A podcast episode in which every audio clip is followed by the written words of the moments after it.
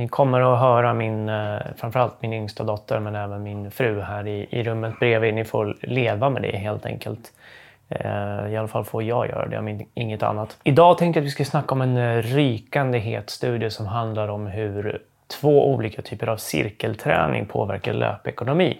Alltså för löpare då. Det de hade gjort här i den här studien var att de hade tittat tillbaks på en tidigare studie och återanalyserat datan som fanns tillgänglig där ur ett nytt perspektiv. Så det, det personerna som hade ingått i den där studien som är från 2021 om jag inte minns fel.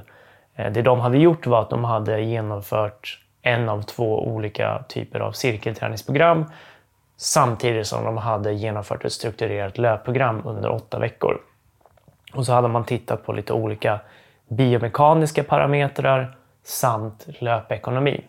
Och det man gjorde i den här studien var att man gjorde en omanalys för att se lite olika saker, hur de här påverkade varandra.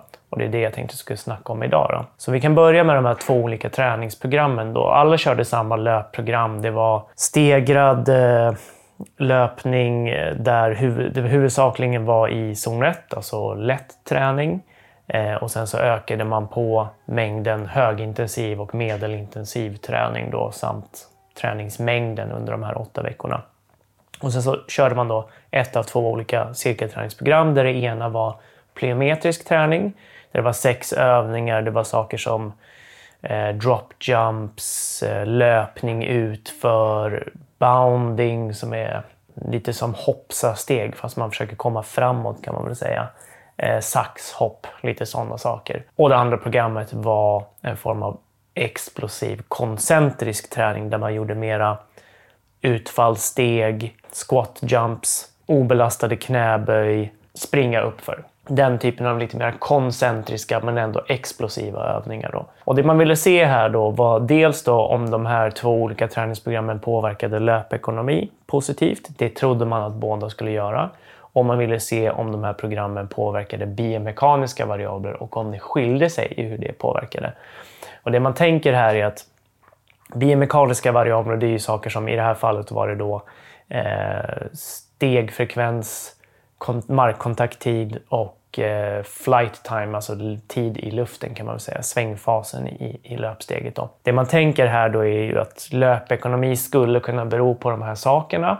Det skulle också kunna bero på saker som man inte plockar upp av de här biomekaniska variablerna, till exempel muskelaktivering och sådär som man inte ser utifrån utan som man måste mäta genom EMG till exempel. Och så där.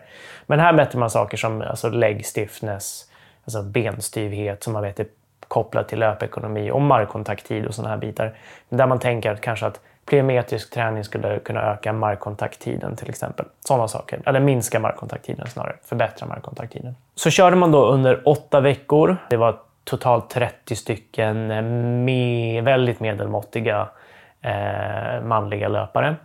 Eh, och så körde man under åtta veckor och sen så mätte man då före och efter löpekonomi och så här biomekaniska variabler på ganska långsamma hastigheter. Det var runt 12 kilometer i timmen som man körde här då. Och det gör man ju då för att man behöver vara under andra tröskeln för att annars så går det inte att mäta löpekonomi på något vettigt sätt eftersom eh, syreupptaget aldrig stabiliseras. Och så gjorde man då analysen av dels då grupperna, de här två grupperna som helhet och sen så gjorde man analys av de som förbättrade sin löpekonomi mycket. Vad hände med dem? Och redan här ska man komma ihåg att det här är liksom en återanalys av tidigare insamlad data utifrån nya frågeställningar. Så att eh, rent teoretiskt så kan ju författarna ha haft tillgång till den här datan när de bestämde sig för vilka frågeställningar som de skulle göra. Troligen är det ju faktiskt så att de har haft det. Och då kan man ju också tänka att de redan de kan formulera frågeställningar på ett sådant sätt så att de får intressanta resultat eller de resultaten som de vill ha eller vad det nu kan vara för någonting. Det här är alltså en retrospektiv analys och det innebär att det här blir väldigt spekulativt. För oavsett vad man kommer fram till här så är det så att man måste om det, om det man kommer fram till ska stämma så måste det också stämma på andra kohorter. Alltså liknande typer av löpare, men andra människor så måste det här stämma. För att annars så var det bara ett slumpfynd liksom, som man hittade genom att man höll på att fiska efter signifikanta resultat i datan. Och även då när man lägger till det här med att man tittar på de som förbättrade sin löpekonomi mest. Det är ytterligare ett lager av, av möjlig bias som man introducerar här.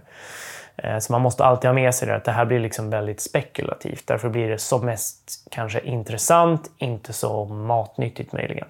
Överlag så såg man väl kanske 2-3 procents förbättring av löpekonomi för hela gruppen. Man såg ingen signifikant skillnad mellan grupperna, även om jag tycker att det är, det är rätt tydligt att den plyometriska gruppen hade en större förbättring. Alltså effektstorleken på deras förbättring var större och liksom gruppen som helhet förbättrade sig mer än eh, den här liksom dynamiska styrketräningen som man kallar den andra gruppen. Men det var ingen signifikant skillnad mellan dem. Man såg också att det fanns personer som svarade väldigt bra, som fick liksom upp till 5, 6, 7 procents förbättring av sin löpekonomi. Och det fanns de som inte svarade alls eller till och med kanske fick lite, lite sämre löpekonomi av det här. Och det är också helt väntat. Alltså det kan bero på väldigt många saker. Det kan bero på att det faktiskt är så att man har liksom personer som aldrig kommer kunna ta till sig av den här träningen. Det är nog inte så många som tror det längre, utan man tänker nog mer kanske att de ska ha någon annan typ av träning eller att det är rena slumpen som har gjort att man fick de här resultaten. Till exempel att de hade en dålig dag vid andra testningen. Liksom. Av en och annan anledning så hade de sämre löpekonomi vid andra testtillfället som inte berodde på själva träningen. Eller att de kanske bara behövde mer träning eller längre tid eller någonting i den stilen. Men man såg i alla fall den här spridningen och då såg man alltså att de som fick eh, bäst förbättringar, de fick liksom väldigt mycket mer. De låg som sagt i 5, 6, 7 procents förbättringar snarare än det här 2-3 procent. Men som snitt så låg man runt 2-3 procent. Och då kan man ju säga att ja, men båda de här träningsformerna funkar för att förbättra löpekonomi. Möjligen skulle man kunna säga att plyometrisk träning är mer effektivt, men det går inte riktigt att säga. Eh, det skulle behövas som sagt mer studier, större studier, mindre skillnader ska kunna bli statistiskt signifikanta. Då. Möjligen då. Som sagt måste det även till eh, liknande studier på andra kohorter för att bekräfta det här resultatet. Men det intressanta här var egentligen då att Okej, okay, man såg att de fick en förbättrad löpekonomi. Då kanske man skulle kunna tänka att de blev mer studsiga. Det skulle innebära att de kanske fick en högre stegfrekvens eller en lägre stegfrekvens eller en längre flight time eller en kortare markkontakttid eller någonting. Men överlag så såg man ingen skillnad. Alltså, tittar man på de här, filmar man de här, då ser man ingen skillnad. Det man såg var väl att personerna i den, den här dynamic strength-gruppen, den här koncentriska explosiva träningen, de som förbättrade sig mest där, alltså de som var high responders, de fick en lite högre stegfrekvens jämfört med de andra. Då.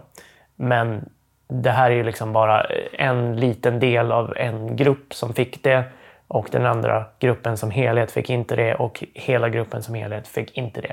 Och därför blir det liksom väldigt svårt att säga att det där förklarar någonting. Och det är egentligen det som är det intressanta här, att det går att få förbättrad löpekonomi utan att det syns på något sätt.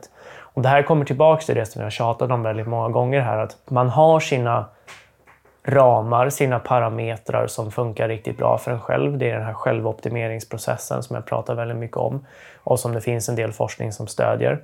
Du kan förbättra det du gör inom de ramarna, vilket är ungefär det man har gjort i det här fallet. Troligen genom kanske att man behöver aktivera mindre muskelmassa eller aktivera muskelmassan under kortare tid för att uppnå samma krafter och därmed då ha längre återhämtning, mindre syreförbrukning. Eller då att du kan skjuta på dina ramar. Alltså att du kanske då under en väldigt lång tid, antingen genom medveten träning, vilket gör att din kropp blir lämpad för att springa på ett annat sätt.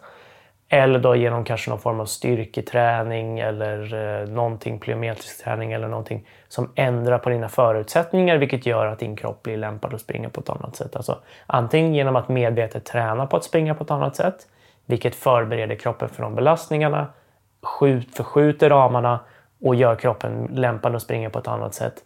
Eller att du då gör det som vi vet är bra, liksom styrketräna, sprintträna, hoppträna, sådana bitar.